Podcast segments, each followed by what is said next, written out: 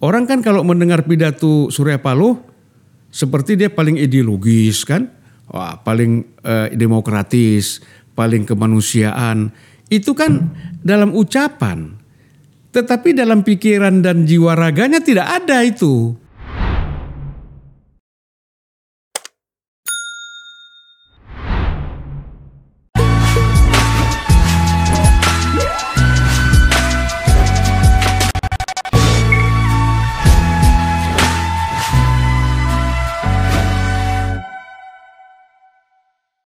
Sebenarnya saya mikir-mikir mengangkat isu ini atas berbagai pertimbangan. Karena ini menyangkut dengan latar belakang politik saya. Setidaknya hari ini rumah saya di mana saya masih memegang kartunya. Apa yang saya maksud itu menyangkut Partai Nasdem. Tetapi saya mau disclaimer dulu nih, Dep. Bahwa saya di sini sebagai seorang teman diskusi menyangkut dengan isu ini. Ya. Bukan sebagai orang Nasdem sebab saya bukan lagi pengurus. Sama, saya juga bukan pengurus. Nah, ya makanya yang saya maksud adalah saya mengajak sebenarnya senior saya. Kami sama-sama mendirikan uh, Partai Nasdem tapi beliau lebih dulu berada di ruang politik pada beberapa partai termasuk PDIP dan apa itu? Uh, Bang Eros? PNBK. PNBK. Bang Sulvan Lindan. Bang, Siap. apa yang terjadi? Jadi gitu bang ya, saya mau disclaimer dulu bahwa saya di sini eh, apa namanya itu eh, harus menjaga jarak dulu dengan organisasi bernama Nasdem ini. Nasdem. Ya. Yang saya ingin bicarakan dengan abang itu adalah karena partai politik itu adalah tidak boleh diperlakukan sebagai ruang private. Hmm. Dia adalah apa itu namanya itu eh, eh, apa harus dimainkan di ruang publik. Ya. Aneh juga menurut saya apabila ada orang partai itu ketika ada serangan kepada partainya atau ada masalah dengan partainya tiba-tiba kemudian mengatakan jangan campuri urusan partai kami. Ya nggak bisa begitu dong. Ya. Partai itu adalah urusan publik. Jangan hanya Anda datang kepadanya ketika Anda menginginkan suara, tapi ketika kemudian mandat itu sudah Anda dapatkan, tiba-tiba mengatakan nggak bisa dong ini masalah kami, nggak bisa seperti itu. Kita mulai dulu dari situ, bang. Ya. Tapi lagi-lagi kemudian saya harus masuk pada topik. Abang bikin apa sampai kemudian bikin orang-orang teman-teman kita di Nasdem itu marah? Ya sebenarnya hal biasa ya. Oke. Ini kalau kita mau buka topik kita, ini kan sebenarnya gara-gara politik dua kaki. Double standard. Ya. Siapa? Ya Surya Paloh, Nasdem, ya kan? Dua kakinya kan begini.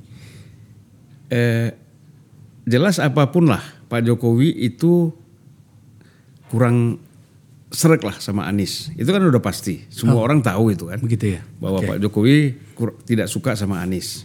Itu kita nggak usah tutup-tutupi. Ini kan bicara publik ya kan. Nah kemudian eh, sementara itu Pak eh, Nasdem, Ketua Umum Nasdem mendeklarasikan Anies sebagai capres. Oke. Nah ini kan tentu gimana pun berhadapan dengan keinginan Pak Jokowi kan gitu. Nah tetapi kenapa saya bilang dua kaki mencalonkan Anies tapi mengharapkan juga mendapat keistimewaan atau mendapatkan keuntungan dari koalisi Pak Jokowi terutama dari pribadi Pak Pak Jokowi sebagai presiden ini kan nggak mungkin. Nah saya selama ini mengeluarkan eh, pernyataan-pernyataan selalu ingin mendudukkan ini kan secara proporsional, gitu loh, supaya politik ini kita terbuka, Oke. supaya kita harus politik itu bisa menentukan sikap. Oke. Politik itu nggak boleh dibangun dengan oportunis, ya kan opportunity, opportunity oke, tetapi menjadi oportunis itu nggak boleh. Oke.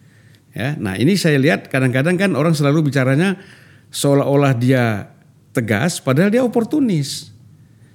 Nah orang tanpa saya pun bicara bahwa eh, Nasdem bermain politik dua kaki, Pak Jokowi itu pasti udah tahu. Ngapain saya ngomong? Pak Jokowi ini kan bukan sendiri aja, ada Bin, ya kan, ada Pak Luhut, Tapi apa yang salah dari situ, Bang? Yang saya maksud begini. Pak dalam hal ini Nasdem ya. Eh, tadi Abang ngomong soal tentang Bang Surya. Pak Surya atau Nasdem mencalonkan Anies atas berbagai pertimbangan politik adalah sah, Sah. menurut politik pula. Ya. Oke? Oke. Itu adalah pilihan dia. Ya. Tapi kemudian Nasdem mendapatkan seluruh opportunity dari kekuasaan sebab dia adalah pengusung sejak dari awal, itu kan sah-sah juga. Sah juga. Oke, lantas apa masalahnya? Nah, tetapi kalau Pak Jokowi juga tidak senang sah juga dong. Oke. Jangan mau, mau ingin sah sendiri gitu loh. Para pendukung Pak Jokowi misalnya koalisi partai-partai koalisi yang lain itu kan juga sah kalau nggak suka kepada Nasdem, PDIP misalnya, ya kemudian Golkar, PAN dan lain-lain. Jadi kalau main-main sah semua orang bisa main sah-sahan ini, gitu kan? Nah jadi tidak boleh melihat dari satu sisi kepentingan kita aja, kita harus juga lihat dari kepentingan yang lain. Nah, saya bicara itu kan sebenarnya per- ini persoalannya kan akademik aja. Soal teori Hegelian ini kan Ya, abang mengatakan bahwa Anies itu adalah antitesis dari Pak Jokowi, Pak Jokowi.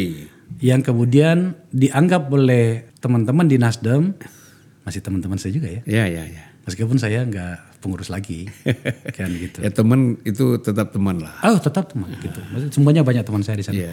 Itu dianggap mengganggu posisi politiknya Nasdem pada berbagai lini yang bisa kita perdebatkan. Sebenarnya abang itu mau ngomong apa sih sebenarnya menyangkut soal itu? Jadi kan kalau mengikuti pendekatan teoritik, Ah, ilmiah, ada tesis, ada antitesis, ada sintesis kan gitu. Iya.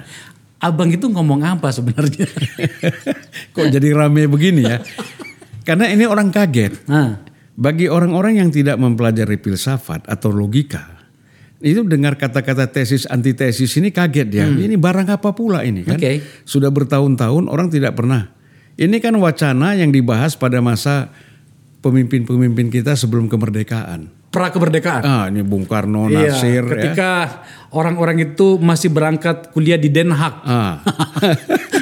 Para, Tanpa para founding Iya kan? kita gitu ya. Jadi kalau buku- buku-bukunya kita baca seperti Madilog, Sahrir ya. Ini banyak di sini banyak buku bang. Nah, Ini ya. ada banyak buku di sini. Oke. Oke.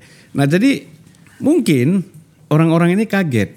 Wah, ini kok antitesis. Jadi dia ngambil antinya, dia nggak paham itu antitesis itu apa. Oke. Iya kan? Nah, kan apa yang saya sampaikan normal aja. Pak Jokowi itu adalah orang yang berpikirnya se- sederhana, tetapi langkahnya cepat Oke. ya kan di dalam men- eh, meng- mengerjakan program. Anies ini sebagai antitesis dia terlalu konseptualisasi, konseptual. Oke. Ya berpikir baru bikin policy, nanti baru kita lang- melangkah menjalankan program. Lalu nanti kan kita mengharapkan bisa terjadi pada 2029 dua pola kepemimpinan ini bersatu menjadi sintesis. Jadi menjadi suatu kekuatan yang luar biasa. Iya. Ya kan? Gerak cepat, konseptual, jalan gitu. Kan ini dahsyat sebenarnya. Oke. Nah, Hasto sebagai sekjen PDIP memanfaatkan isu ini seolah-olah wah ini bertentangan dengan Pak Jokowi gitu loh.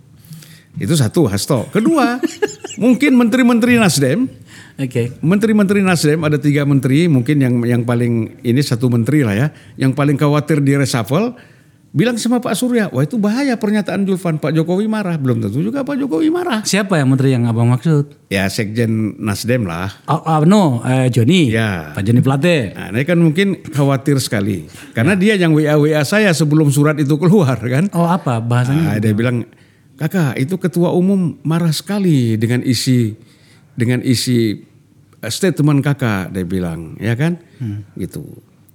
Saya bilang udah udah nonton belum secara full Oke. video saya.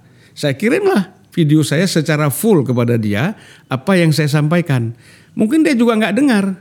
Kalaupun dia dengar, dia nggak paham. Terus dia bilang kita pakai dialektika Socrates. Ini kacau kan? Kita jangan pakai dialektikanya Hegel, tapi dialektikanya Socrates. Socrates tidak pakai teori dialektika. Dialektika ini kan pertama ini kan Hegel, baru diadopsi oleh Marx, Engels dan seterusnya kan. Nah jadi menurut saya nih nggak paham, tapi ya pura- pura-pura paham. Nah ini disampaikan ke Bang Surya, wah Bang Surya ketakutan.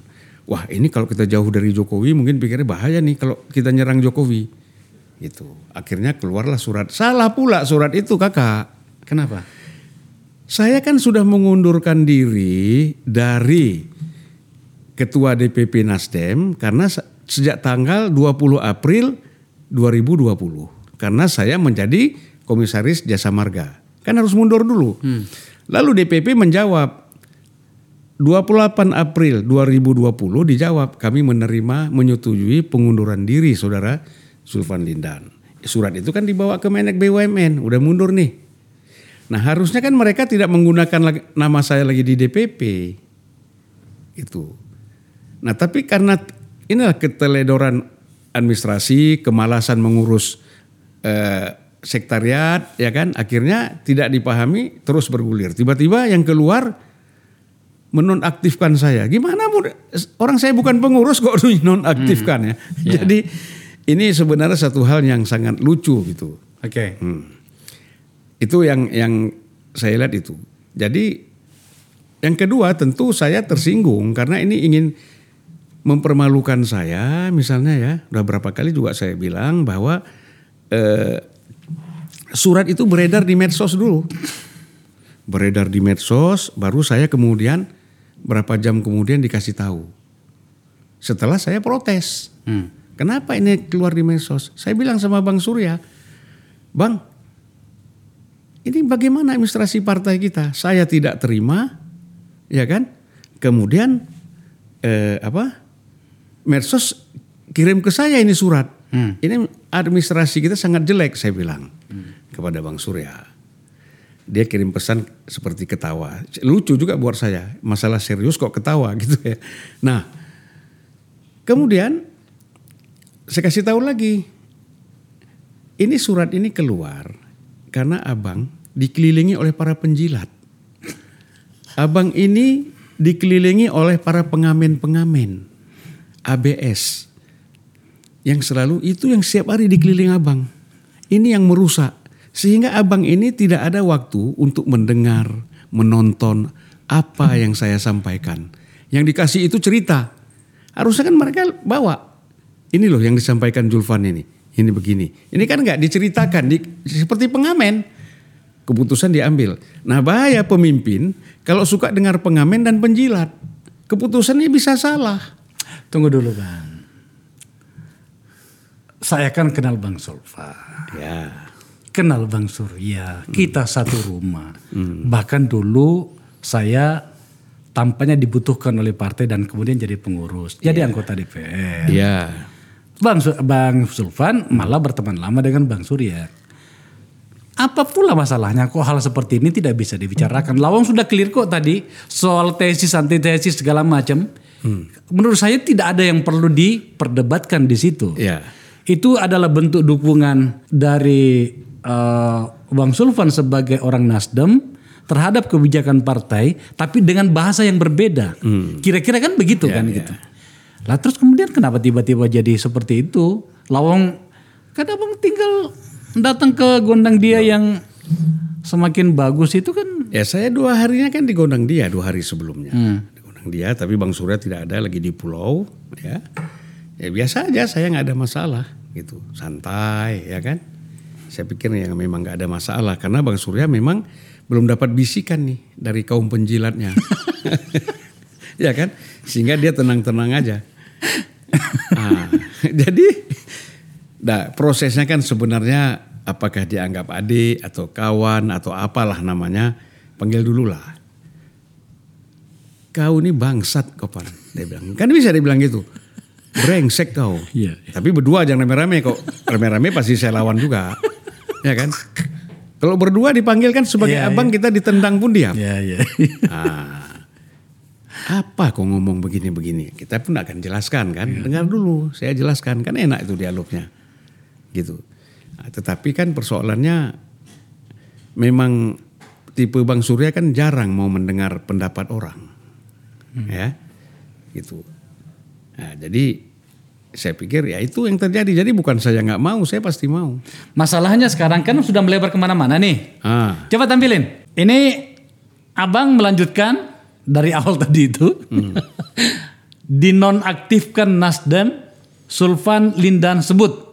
Ada menteri takut di reshuffle Jokowi. Jokowi. Apalagi yang lain? Bang Sulfan mengatakan, enggak saya masih anggota Partai Nasdem. Kira-kira gitu kan. Yang lainnya? Ah ini dia nih. Ke mana-mana nih jadinya bolanya. nih. ah. Isu reshuffle Nasdem sindir menteri mau jadi capres 2024. Bahkan meminta apa tadi itu? Minta mundur. Minta mundur. Empat menteri yang katanya mau jadi capres. Ya. Ini Kena- ini sebenarnya kakak ya, meminta menteri dari partai lain mundur dan yang meminta itu menteri dari partai Nasdem. Ini satu kelucuan lagi. Ini lebih lucu dari segala-galanya ini. Nah saya kira ya ini menjadi bahan tertawaan ya, menjadi bahan tertawaan. Ini Nasdem ini sebenarnya seperti apa? Ya kan? Dia yang dikhawatir di reshuffle, kemudian dia minta pula menteri-menteri lain yang mau maju capres itu harus mengundurkan diri. Sementara dia mengatakan bahwa persoalan menteri itu adalah hak prerogatif presiden. Tetapi di sini dia minta supaya menteri-menteri itu lebih baik mundur. Ini inkonsistensi terjadi ini. Makanya ini pikiran ini kacau. Ya kan? Pikiran kacau namanya. Karena apa? Selama orang itu tidak konsisten, mau berdiri di dua kaki, jadi mau mengatur Bagaimana caranya kaki yang satu juga enak berdirinya, kaki yang satu juga enak. Akhirnya dua-duanya nggak enak berdirinya kan gitu. Ya. Ah, tentu saja saya paham bahasanya senior saya ini. saya punya banyak cerita sebenarnya menyangkut beliau karena begitulah dari dulu gitu ya. Tak bisa ada bahasa basi. Beliau mengatakan apa yang dipikirkannya. Seperti itulah senior saya. saya kalau begitu ya udah mencoba untuk berbicara lebih jauh menyangkut dengan ini Bang Sulfan. Iya. Menurut Bang Suli, Orang nggak tahu Bang Suli. Oh Suli, ke, panjang kepanjangan apa panggilan kami kepada Bang Sulfan itu, Sulman Lindan itu Bang Suli. Menurut Abang itu baiknya Nasdem pada posisi seperti ini bagaimana? Dalam kaitan dengan saya atau politik? Politik, tadi kan sudah mendukung Anies, Iya. Kemudian ada Pak Jokowi yang katanya Abang itu Pak Jokowi tidak nyaman dan mungkin tidak nyaman dengan atau tidak setuju dengan Anies, Iya. segala macam seperti Abang bilang tadi. Saya cuma manu loh, ma- apa, eh, ma- menyampaikan ulang loh ya. Kira-kira Nasdem harus melakukan apa dalam kondisi seperti ini? Ya udah, ini kan- sebagai kader ya? Ya, ya. Ya. Jangan bohongin Pak Jokowi lagi lah. Langsung aja kami permisi, kami ini mendukung Anies. Ya kan? Jadi kami biar bekerja untuk mensukseskan Anies Baswedan sebagai calon presiden. Kan itu sebenarnya. Nah jadi sebenarnya kami tidak bisa lagi bergabung dalam koalisi karena ambigu nih. Ya kan? Kan gitu. Sementara kan tinggal dua tahun lagi. Sementara Pak Jokowi pun juga tidak membutuhkan lagi sebenarnya. Kalau bicara suara di DPR tanpa Nasdem pun sebenarnya koalisi Pak Jokowi sudah cukup kuat. Ah ini menarik nih. Jadi menurut abang Pak Jokowi sebagai presiden tidak lagi membutuhkan Nasdem. Nggak butuh saya kira. A- apa argumen untuk menguatkan itu? Sekarang kan begini, kebutuhan yang paling utama itu adalah voting-voting yang ada di parlemen. Oke. Kalau kita hitung, ya katakanlah ada Demokrat, PKS, eh, Nasdem, kan itu cuma 100 berapa itu kursinya itu, 168 atau berapa? Ya kan yang lain Golkar, PDIP, Gerindra, PAN, P3, PKB itu kan semuanya ke Pak Jokowi. Jadi dari segi itu pun sebenarnya Pak Jokowi nggak butuh, eh Oke. kepada Nasdem. Kalau bicara dari segi eh, Komposisi di parlemen. di parlemen, Oke. gitu kan. Dari segi ide dan gagasan udah ah, udah dingin lah, udahlah nggak usah cerita ide dan gagasan lah. Yang prinsip aja sudah kalian nggak tidak kita sudah tidak sama, ya kan? Ngapain lagi kita bicara? Nah, jadi menurut saya lebih bagus Nasdem itu daripada ke sini tidak ke sana tidak, udah fokus, ya kan? Dukung Anies jadi presiden itu fokus saja kerja di situ gitu loh. Poli- Tapi, tapi kan Anies belum bisa juga baru Nasdem kok ini. Ya tapi kan baliho udah dipasang di mana-mana, Hmm. ya kan? Gitu. Ya itu menurut saya satu kekeliruan di situ, Hmm. ya. Saya kenapa mengatakan 10 November? Karena dari dari tanggal 3 sampai 10 November kan ada waktu satu bulan lebih untuk melakukan pematangan dan konsolidasi Oke. sehingga tiga partai ini solid langsung bersama-sama mencalonkan Anies sebagai presiden. Saya dengar belum belum clear juga barang itu. Nah makanya kalau belum clear kan bahaya. Nah terus Nasdemnya mau ke mana? Kalau misalnya apakah PDIP itu nanti mencalonkan Ganjar misalnya, atau PDIP mencalonkan Puan misalnya, Oke. ya kan? Ini kan berarti Nasdem kalau masuk ke situ kan menjilat ludah sendiri nih. Ya, terus mau ke mana? PKS mungkin nanti kita nggak tahu masuk ke mana kan gitu.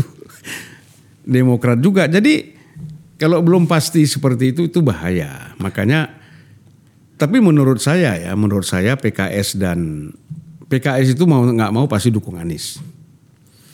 Kalau PKS tidak mendukung Anies, itu dia bisa tidak lolos threshold. Ini pandangan saya, karena kan saya tanya-tanya juga semua kita lihat di media kan gitu. Nah Demokrat, Demokrat pasti dukung Anies asal wakil presidennya AHY. Kalau tidak Ya kalau tidak mereka pikir ulang lah. Kenapa mengambil orang lain yang nggak punya partai? Bicara elektabilitas juga belum tentu dia lebih tinggi dari AHY misalnya. Ya. Nah jadi paling logik itu AHY kalau dari segi Demokrat.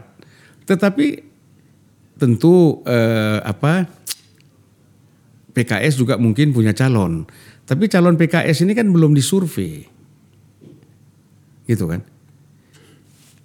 Itu persoalannya karena belum disurvei yang diajukan ke ke permukaan ya ke publik misalnya ada Heriawan kemudian Hidayat Nur Wahid satu lagi mungkin ketua majelis suro ya nah itu kan belum pernah disurvei berapa persentasenya gitu loh kalau AHY kan sudah ada sebagai capres masih mendekati 10 persen ya kemudian kalau eh, cawapres tinggi dikit kan gitu ada dua pertanyaan dari saya, Bang, menyangkut dengan penyikapan politik Nasdem yang menurut saya berani dan tampaknya memang sebuah hitung-hitungan yang didapatkan dengan kal- kalkulator yang jelimet.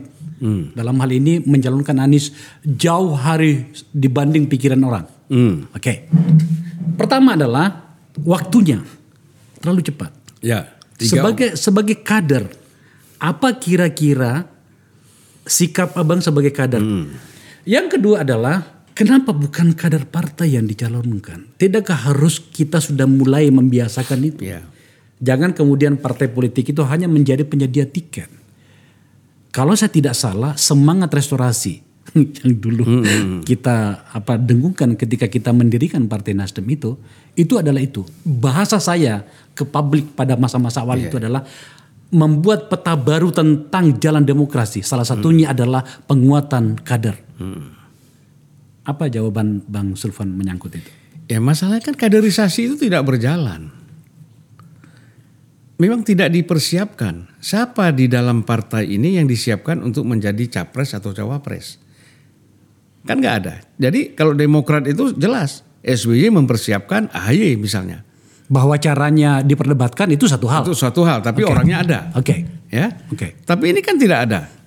Sudah 10 tahun partai ini berdiri ber, ya, berdiri dari 2011 ya. Iya.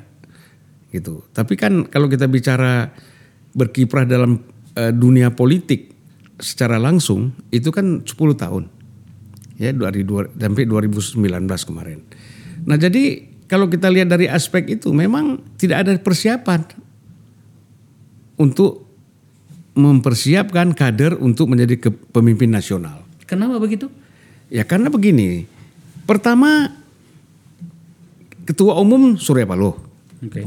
dia sendiri tidak ingin menjadi calon presiden, Oke. ya kan? Atau calon wakil presiden, dia nggak mau. Dia tahu juga lah kalau gua maju juga kalah, ya kan? Untuk apa gitu kan? Nah harusnya dia siapkan siapa kader yang dia harus eh, u- eh, apa persiapkan untuk menjadi pimpinan nasional. Nah itu kan tidak terjadi, gitu. Jadi levelnya sudah saya lihat semakin mundur ya. Kalau kita bicara dari segi kaderisasi kepemimpinan nasional. Ada misalnya siapa orang mau disiapkan Rahmat Gobel misalnya, ya kan kapasitinya belum lah, ya toh. Siapa lagi? Kalau Yasin Limpo kan lompat pagar kan dari Golkar pindah ke Nasdem, kan gitu, ya bukan bukan orang Nasdem dari awal gitu kan. Jadi memang nggak punya karena nggak Rahmat disiapkan. Gobel juga bukan orang Nasdem. Ya tapi katakanlah dia belum bukan orang partai politik sebelumnya, oke. ya Oke. Itu kakak. Jadi gimana dong kalau begitu sebenarnya dalam bacaan abang sebagai kader utama ya, kalau nggak salah abang itu kader utama loh, Iya. ya. Nggak ada, cuman nggak dapat bintang aja. KT KTA-nya itu kartu tanda anggotanya itu pasti saya kader utama ya. Itu apalagi dengan pertemanan dengan ketua umum ya Om Surya ya. Itu sebenarnya Nasdem itu menurut abang dari sebagai orang lama di par- partai politik ya, abang kan sudah beberapa kali mendirikan partai dan berada di partai. Penerjemahan restorasi itu pada bagian itu di mana sebenarnya? Ya nggak ada, ini kan restorasi hanya istilah aja biar keren. Mana ada program restorasi apa? Ada loh Apa? tanpa meminta mahar Iya. bagi calon bupati misalnya gitu kan. Calon gini gubernur. kakak, kalau kita bicara restorasi bukan itu. Oh, oke. Kita kan restorasi bicara sistem politik, kita bicara sistem ekonomi, kita bicara sistem budaya. Ya, budaya pun bukan dalam konteks seni. Budaya yang kita maksudkan pola pikir ini, ya kan, dirubah dari budaya yang kurang positif ke menjadi budaya yang positif. Itu kan tidak terbangun. Mengapa? Karena ini disebabkan oleh kita ter- terlalu banyak wacana. Orang kan kalau mendengar pidato Surya Paloh seperti dia paling ideologis kan, wah paling eh, demokratis, paling kemanusiaan. Itu kan dalam ucapan. Tetapi dalam pikiran dan jiwa raganya tidak ada itu. Sehingga apa? Sehingga tidak bisa diwujudkan. Orang namanya ya kita bisa lihat, kita bisa buktikan. Bicara ideologi, ya dia juga nggak ngerti ideologi, ngerti bahasa ideologi. Ideologi itu apa dia nggak paham. Kalau kita tanya ideologi, oh itu Pancasila, lima sila itu dikupas satu-satu ketuhanan yang maha esa apa ini apa sampai keadilan sosial, nggak paham dah. Apalagi kalau kita masuk dalam perbandingan eh, perbandingan ideologi ada sosialisme, kapitalisme, Hah? Ada Islam di situ, lebih nggak paham lagi. Jadi pemimpin-pemimpin politik kita ini terus terang aja sebenarnya bicara ideologi itu sloganistik. Ideologi dijadikan sebagai suatu daya tarik kepada orang seolah-olah kita ini ideologis. Kita ini ideolog. Ideolog dari mana? Ya kan? Sistem politik nggak dipahami. Sistem ekonomi tidak dipahami. Kan inti dua itu saja dulu. Lalu bagaimana Anda mengatakan Anda seorang ideolog? Nah ini harus kita koreksi total ini. Ya, Orang jangan enak saja dicap sebagai ideolog padahal nggak ngerti apa-apa. Ya kan? Kalau kata Bung Karno, filosofi ground setelahnya aja dia nggak paham. Weltan Xiongnya aja dia nggak paham. Ya kan? Way of life-nya aja dia nggak paham. Itu baru bicara di di atas. Ya kan? General norm. Apalagi bicara ideologi yang lebih rumit. Kita bicara dalam sistem eh, politik dan ekonomi lebih nggak paham lagi. Ah jadi ya namanya kader partai ya bukan kader ya. Saya kira di Nasdem ini kalau kita bilang kader tuh jarang. Yang ada tuh anggota, Pemegang KTA. pemegang KTA. Nah pemegang KTA ini sore lah kalau dengar pidato kan. Wah lain nama Bung Karno.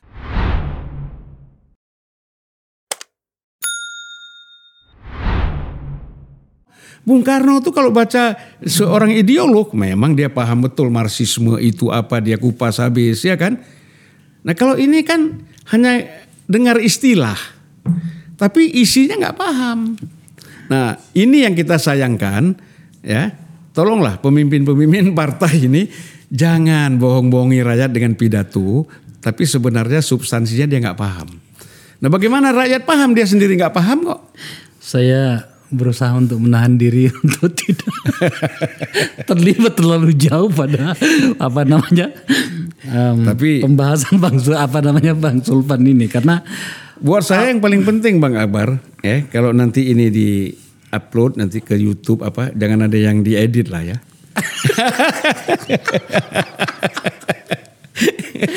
gini loh bang karena kan ah, bang Sulpan kan orang dari awal di partai Iya. tak boleh ada satu Sebelum orang ada pun- partai itu pun. itulah tidak boleh ada orang di sana itu sebenarnya yang mengatakan bahwa bang Sulfan itu tidak paham tentang Nasdem Hmm. Oke. Kalau sama saya mereka bicara begitu ya nggak apa-apa lah. Meskipun saya punya cerita bagaimana awal berdirinya Nasdem. Ketika kami di Komisi 2 membahas revisi undang-undang paket undang-undang politik yang kemudian menghadirkan Nasdem. Tapi udahlah, kita jangan kembali ke sana. Nah, ketika Bang Sulfan bicara seperti ini tuh aku agak kesulitan duduk bagaimana saya memposisikan diri di sini gitu loh kan. Tapi mungkin memang harus didengarkan teman-teman menyangkut eh, apa seluruh gugatan Bang Sulpan tadi itu. Mungkin barangkali sudah jarang kita saling berbicara satu sama lain, berbicara berhadap-hadapan, saling bertatapan mata, bertanya kita mau ke mana, Hmm. apa yang telah kita lakukan, bagaimana kita merancangnya, ya kan, bagaimana kita membangun tembok-temboknya, sudah begitu tangguhkah kita, yang kemudian nantinya akan kita bawa bahwa pada tahun 2024 nantinya kita akan target seperti ini.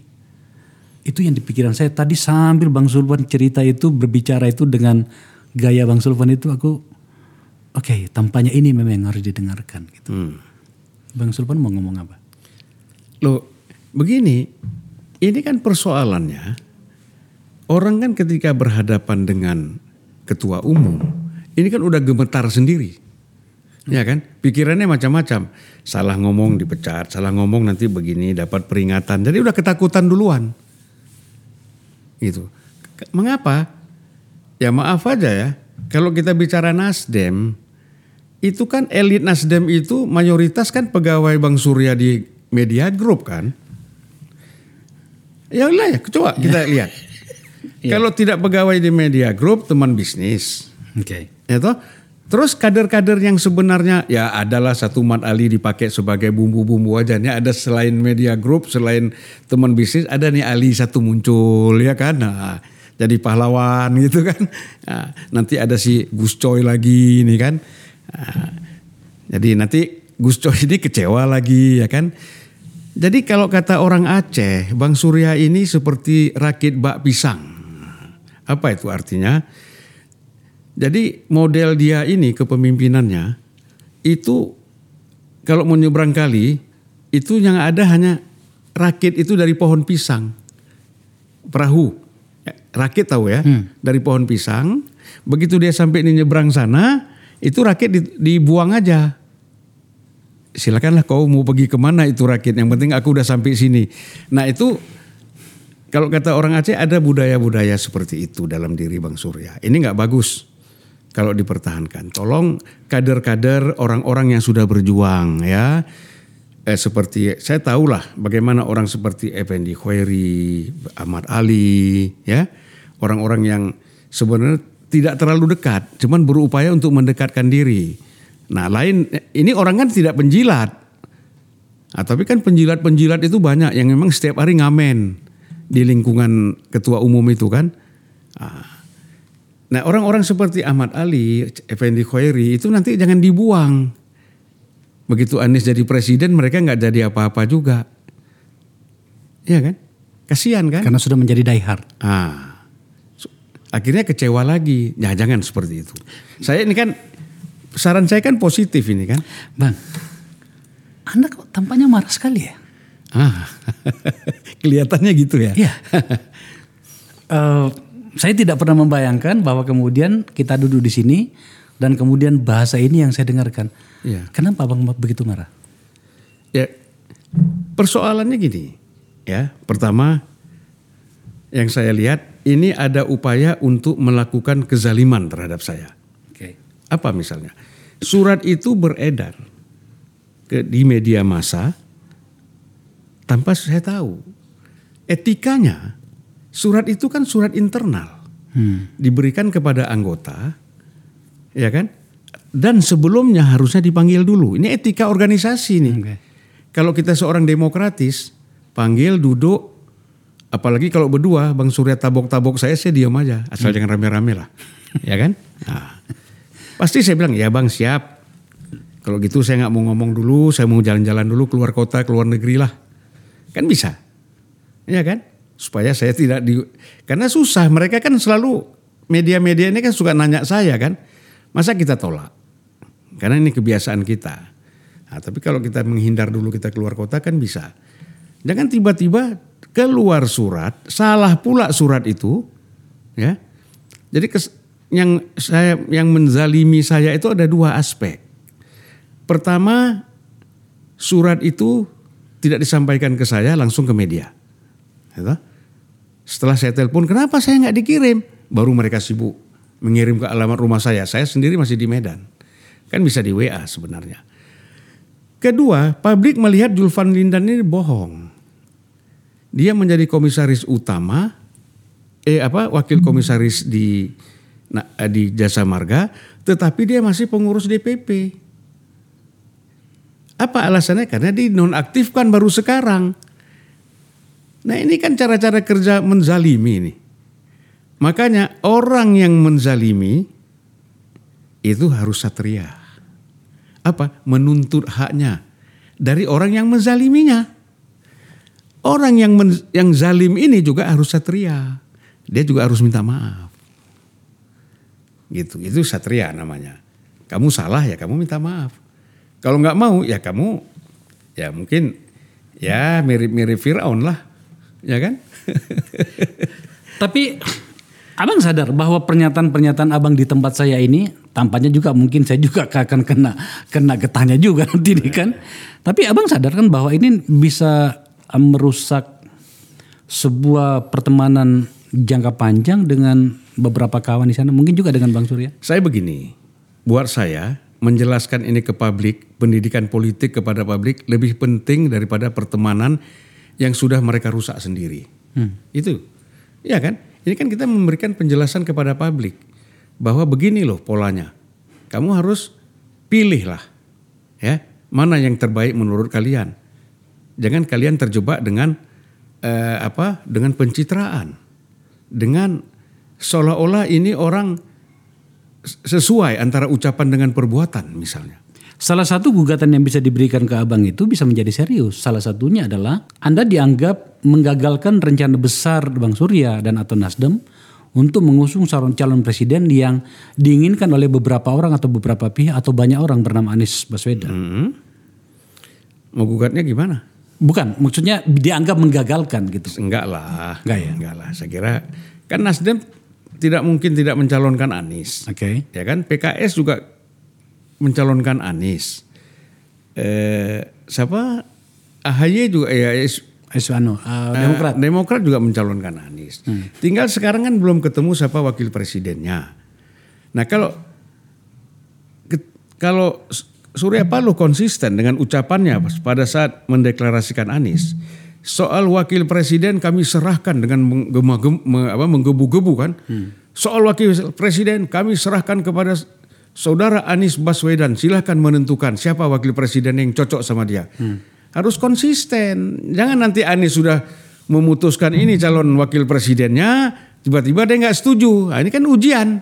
Emang siapa yang dicalonkan oleh Pak Anies? Kan belum ada. Belum ada. Jangan sampai. Ah, oke. Ketika nanti Anies, ini loh wakil presiden saya. Oke. Artinya kan kalau kayak gini Anies sudah mendapatkan otoriti dari Nasdem, dari ketua umum Nasdem untuk memilih wakil presidennya.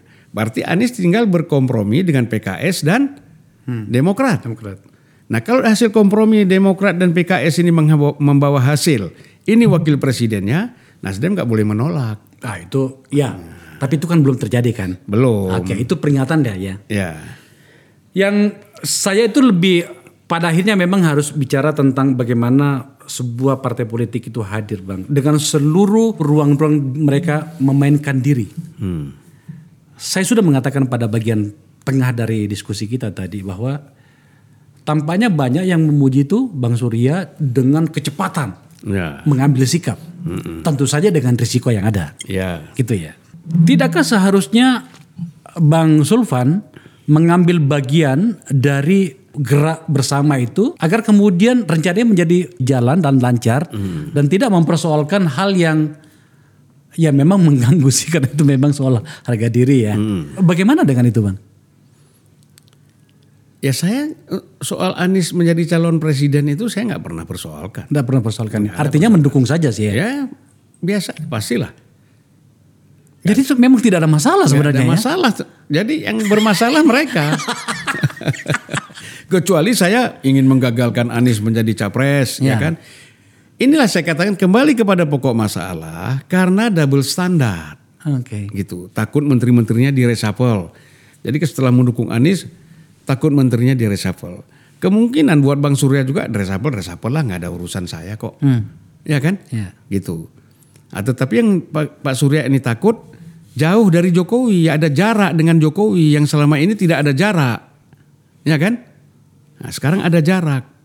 Kenapa abang menyimpulkan bahwa Bang Surya sekarang berjarak dengan Jokowi? Ya udah Banyak informasi seperti itu. Ya. Tapi kan boleh dong saya bertanya, saya akan menahan diri untuk tidak memasukkan bagaimana pemahaman saya tentang problem ini ya dan apa apa yang saya paham tentang menyangkut itu. Kenapa abang Tapi menyimpulkan? Bung Akbar biasanya ya saya lihat podcastnya itu paling banyak intervensi ke narasumber, tapi kenapa sekali ini kok tertahan-tahan? Tadi saya sudah bilang bang, Eh. saya menahan diri untuk tidak terlalu jauh karena ini juga sebenarnya kan saya bagian dari itu. Ya. Makanya tadi saya bikin pada bagian awal saya bikin disclaimer bahwa saya menahan diri, saya bukan orang Nasdem pada fase ini. Saya masih punya KT, KTA-nya Nasdem lah ya. saya kan bicara dari segi logika politik. Ah, iya iya makanya Pak itu Jokowi menarik ini. gitu kan, Pak Jokowi kan jelas tidak suka kepada Anies. Itu jelas itu. Kita nggak usah tutup-tutupi, ya kan? Nah, Iya. sekarang tiba-tiba Pak Surya mendeklar Anies sebagai capres. Ya udah pasti ada jarak lah, Ada jarak ya. ya kan? Gitu. Dan seharusnya menurut abang, udah Nasdem keluar dari koalisi, Nah, tarik menteri-menteri karena sudah mengambil sikap. Ya. Kira-kira begitu. Nah, tapi kan menteri-menteri bilang nggak usah ditarik dari Nasdem. Ini kan ini kan prerogatif presiden. Biar presiden yang berhentiin kan gitu. Ya boleh juga sih, benar juga, ya kan? Tapi bisa jadi Pak Jokowi juga masih menggunakan memakai menteri-menteri ini karena menterinya juga dua kaki, ya kan? Ke Pak Jokowi juga, ke Pak Surya juga kan gitu. Nah, akhirnya mereka ada sisa dua tahun, ah, lebih bagus saya bersama Pak Jokowi daripada saya bersama Pak Surya misalnya. Misalnya, ini kan bisa saja terjadi. Namanya politik, betul nggak? Oke. Eh, politik itu bisa. Iya. Kita tidak menuduh, tapi secara politik itu bisa terjadi bahwa ingin menyelamatkan diri lah. Kan ada pilihan, kan? Tapi elegannya kata abang tadi mundur saja sekalian. Harusnya, tapi kan kembali lagi kan para menteri mengatakan ini prerogatif presiden. Feeling seorang Sulvan Lindan yang sudah sangat matang di dunia politik dan sekarang sebenarnya adalah orang dekatnya Bang Surya juga karena saya tahu pasti soal itu. Pasangan atau Pak Anies akan maju ya. Artinya PKS dan Demokrat itu pada akhirnya nanti akan gabung dengan Pastilah gabung lah Pasti. saya kira. Karena tidak mungkin terutama PKS itu keluar dari Anies Baswedan. Nggak mungkin. Menurut feeling saya, ini kan feeling kan. Kan feeling. Nah, nggak mungkin. Karena eh, grassrootsnya itu semuanya bicaranya Anies Baswedan. realitasnya begitu Bang. Nah, realitas. Realitas politiknya. Ya. Tapi ada realitas yang lain loh. Apa tuh? mahal loh untuk masuk pada pertarungan pemilu legislatif selain presidennya loh. Presiden adalah satu hal, pilpres satu hal, tapi pileg adalah satu hal. Hmm. Partai-partai itu kan sekarang ini sebenarnya pikirannya adalah pileg. Hmm. Dia akan memiliki nilai tawar pada presiden yang akan terpilih apabila partainya lolos ke Senayan. Ya. Kalaupun lolos ke Senayan tapi partainya cili alias kecil, ya you duduk di kursi belakang. Saya akan berbicara dengan partai yang banyak kursinya. Jadi yang Pertanyaannya pa- adalah- jadi gini Pak Akbar. Saya masuk saja kepada poin. dalam Anies pencalonan Anies sebagai presiden, keuntungan terbesar itu ada pada PKS itu pertama. Ya. Kemudian Nasdem dengan Demokrat bagaimana? Bagi dua. Kalau ini misalnya porsinya 100, ya 60 untuk PKS, 20 Nasdem, 20 eh, Demokrat. Kenapa begitu? Ini kan kita bicara dari segi akar persoalan utama itu adalah pemahaman keislaman. Oh kalau itu sih kita tidak bisa bantah bang. Tapi kan tadi yang saya bilang itu tadi loh. Realitasnya mahal loh untuk bertarung di pemilu legislatif. Ada 80 dapil. Pendekatan apa kalkulator politiknya mengatakan gini. Untuk kemudian kita dihitung di ruang politik secara nasional. Apalagi di hadapan presiden terpilih nantinya kita bisa punya daya tawar. Setidaknya kita punya 80 anggota DPR misalnya. Dari 80 dapil kan gitu ya. ya janganlah terlalu besar barangkali. 50 lah. Eh, mahal loh biayanya bang. Berhubungan dengan yang tadi itu. Kalau kemudian tiba-tiba ada tawaran. Ini capresnya. Ini kita akan dapatkan ini nantinya 7 menteri, 8 menteri, satu menko kira-kira seperti itu. Tetapi cawapres. Cawapres. Heeh. Tapi kalau ternyata nanti partainya secara realitasnya tidak pendapatan kursinya di DPR tidak bagus, dia tidak bisa lagi berhadapan-hadapan dengan presiden dengan anggun seperti itu. Kalau tiba-tiba kemudian ternyata ada yang menawarin, eh ini loh, i kamu ikut sama kita anggarannya sekian, kita bantulah nantinya. Gunakan kata bantu kira-kira. Hmm. Apakah masih realistis pendekatan abang tadi? Ya saya kira begini ya, hitung-hitungannya kan orang kan berpikir dari awal. Hmm. Ya. Bisa saja misalnya kalau PKS oke lah, dia tidak menjadi wakil tapi dia hitung-hitungannya nanti seperti itu kan, berapa kursi yang dia dapat. Nah, kemudian kalau Demokrat ya, kalau Demokrat ini kan dia punya calon wakil presiden ketua umumnya. Ya kenapa mesti lari bicara soal menteri? Kita bicara tuntas di sini. Ya, tapi yang saya maksud itu soal biaya, Bang. Mahal gitu loh untuk menjadikan kan ada dua event nih. Pilpres Udah lah ini gini aja. Pencalonan Anies ini aja sudah ada yang cari tarik biaya jangan-jangan. iya kan? Oke. Sudah ada bisa ancam mengancam Oke. kepada orang-orang tertentu. Ah, nanti kalau Anies terpilih kamu nggak dukung saya sekarang ini. Jadi Anies belum dapat apa-apa, tapi para pendukungnya sudah dapat mungkin. ya kan? Abang yang ngomong loh ya. Lo mungkin. Biasanya kan gitu. Ya, kita kan, ya, ya. kita kan pengalaman. Ya, ya. kan? gitu. Kita kan pengalaman. Mulai dari wali kota, bupati, gubernur gitu kan. Orang-orang yang memang uh, daihat untuk mendukung satu calon itu biasa didekati oleh para uh, pem- apa pemilik modal kan. Kalau istilahnya si Pak Mahfud itu cukong-cukong kan. Ah. bisa saja juga dalam hal ini terjadi seperti itu. Oh, dengan karakter politiknya yang apa dianut oleh Pak Anies itu memungkinkan cukup mendekat. Saya bertanya sebagai orang anu nih, bertanya lurus-lurus aja gitu. Cukong ini kan macam-macam. Macam-macam ya. Ya, cukong ini kan ada yang kelas menengah juga dan itu kan banyak. Mengharapkan kalau Anies jadi presiden dia menjadi besar misalnya. Kan harapan mereka. Tapi kan kita mengharapkan bahwa siapa pun menjadi presiden nanti, apakah Ganjar ataupun Anies atau Prabowo atau Puan misalnya, itu kan kita harapkan mereka inilah yang akan mengendalikan eh, oligarki. Jangan oligarki yang mengendalikan mereka. Ini bahaya sekali. Gitu. Masa kita sejak reformasi sampai sekarang berapa tahun, Pak? Dengan kondisi hari ini, Abang lebih yakin mana? Mereka nantinya yang mengendalikan oligarki atau sebaliknya? Sampai saat ini saya yakin oligarki yang mengendalikan mereka. Ampun. Begitu ya. Lah karena nggak ada alasan untuk tidak mengendalik tidak dikendalikan. Ya makanya tadi saya bilang kan Bang mahal tadi. Ah. Jadi capres itu kan mahal gitu. Ya tapi kan oligarki ini bermain dua kaki. Kalau ada dua presiden, ke sini kasih 70, Iya. sana 30. Kembali ke bisnis Bang, jangan menyimpan telur di satu keranjang. Ah, Kira-kira gitu. iyalah. Bang, Cari aman kan? Namanya pedagang. iya pedagang. Terakhir Bang, apa yang Abang ingin sampaikan kalau ketemu sama Bang Surya? saya nggak mau ketemu masalahnya, jadi nggak perlu ada yang saya sampaikan. Saya kira nggak usah lah. Dari awal sudah merusak hubungan, ya ngapain lagi kita ketemu? Anda berteman dengan dia puluhan tahun loh. Ya Nabi Muhammad sama paman-pamannya juga ketika berbeda itu kan udah bisa juga. Ya kan? Sama paman sendiri Abu Jahal, Abu Lahab. Bang Surya itu kan selalu begitu. Baik bang itu. itu ini, tidak ini kan abang kita. Nah saya sekarang agak masuk dikit nih. Ya, ya, ya, ya sebagai manusia yang pernah terlibat penuh di partai ini. udahlah biarlah itu menjadi catatan sejarah. Dan kalau nanti saya buat autobiografi ketika saya 70 tahun, saya akan sebut bagaimana Surya Paloh adalah salah seorang yang bersama-sama saya punya ide dan gagasan politik untuk membangun Indonesia. Tetapi pada akhirnya harus berpisah. Kan biasa itu. Ya kan? Bung Karno Sarir bersama-sama, tapi pada akhirnya berpisah. Sama Bung Hatta juga terpisah. Ya kan? Tapi ini kan kelasnya beda, bukan kelas Sarir Hatta lah. Ini kita ambil contoh aja.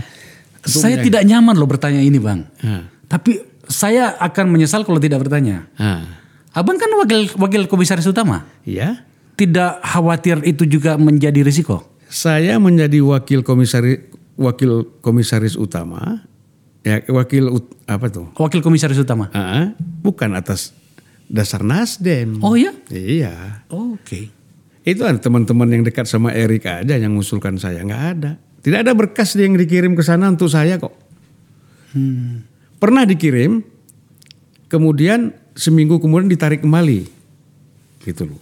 Nah seandainya pun, seandainya saya pun diusulkan oleh Nasdem menjadi komisaris uta- eh, wakil komisaris utama, saya juga tidak khawatir. Saya nggak bisa hati nurani, ya hak ajazi kita itu dibatasi terus mati hanya karena kita mempertahankan jabatan. Ini kita jadi apa manusia seperti ini? Walaupun banyak yang seperti itu, tapi untuk saya jabatan bukan yang paling utama. Yang paling utama itulah harga diri dan hak ajazi. Bang, teman-teman di sana itu setidaknya kita pernah sama-sama. Ya, Semua teman kita, kita kenal dekat bahkan. Ada yang bahkan sangat dekat. Ah, apa yang ingin abang sampaikan kepada teman-teman? Tadi kan dengan Bang Surya sudah. ya. Dengan teman-teman gimana? Pertama saya mengharapkan ya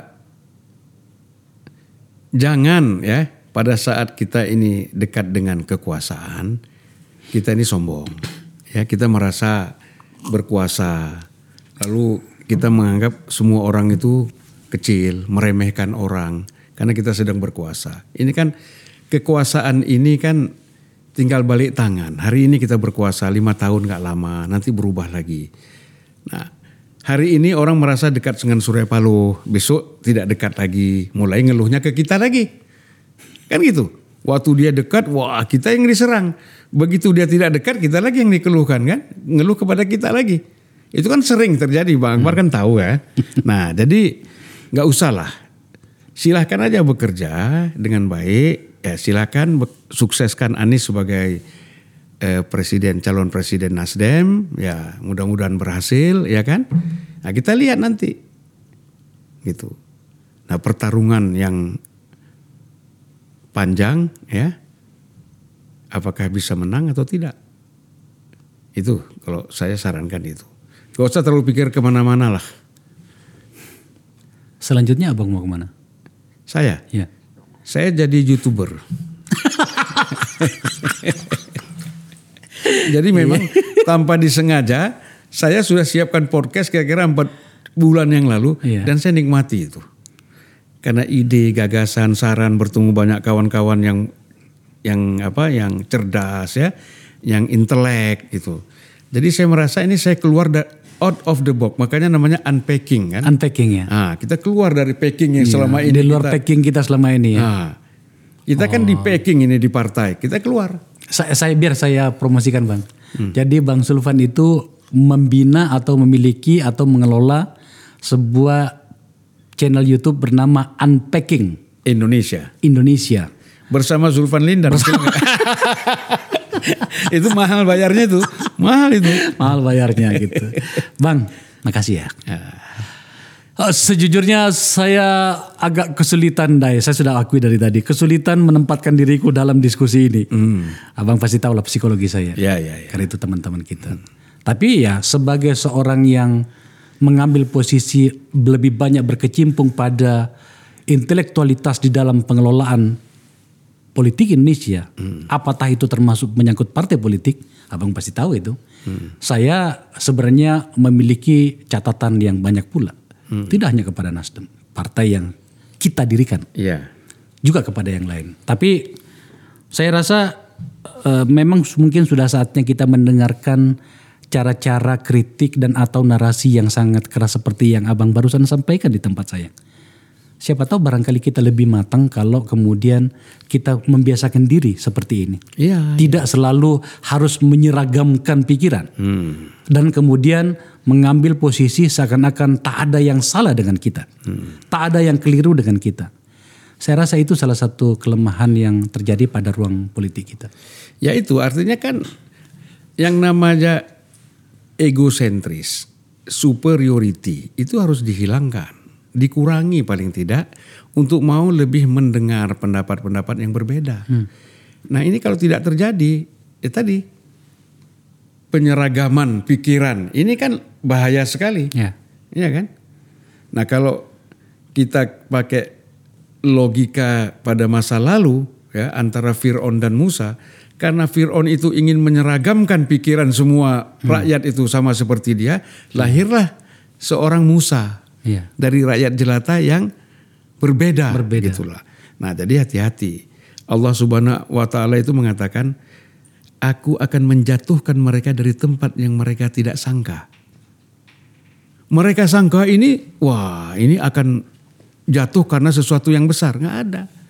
Satu yang kecil aja bisa jatuh. Nah itu harus hati-hati. Jadi banyak sebenarnya kalau kita eh, bicara dalam konteks perubahan, diawali dengan jiwa yang bersih, itu sebenarnya gampang. Makanya saya sa- ada puisi misalnya, kalau kau tanya kesetiaan, jangan bertanya kepada angin. Angin itu hanya melintas. Tapi tanyakanlah kesetiaan itu kepada sebuah lilin.